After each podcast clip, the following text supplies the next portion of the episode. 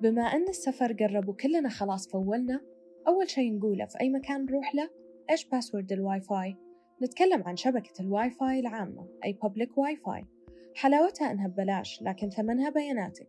شبكة مفتوحة يعني منفذ سهل لأي بيانات شخصية خصوصا لو ما تم التأكد إنها آمنة.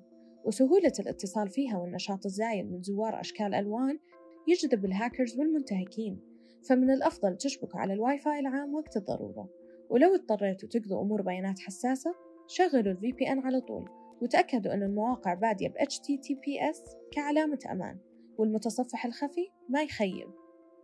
هذه كانت تصبيرة رقمية في 60 ثانية من CyberX. كم شبكة عامة محفظة على جوالك الحين؟ شاركونا أجوبتكم على هاشتاغ تصبيرة رقمية وتابعونا. سلام!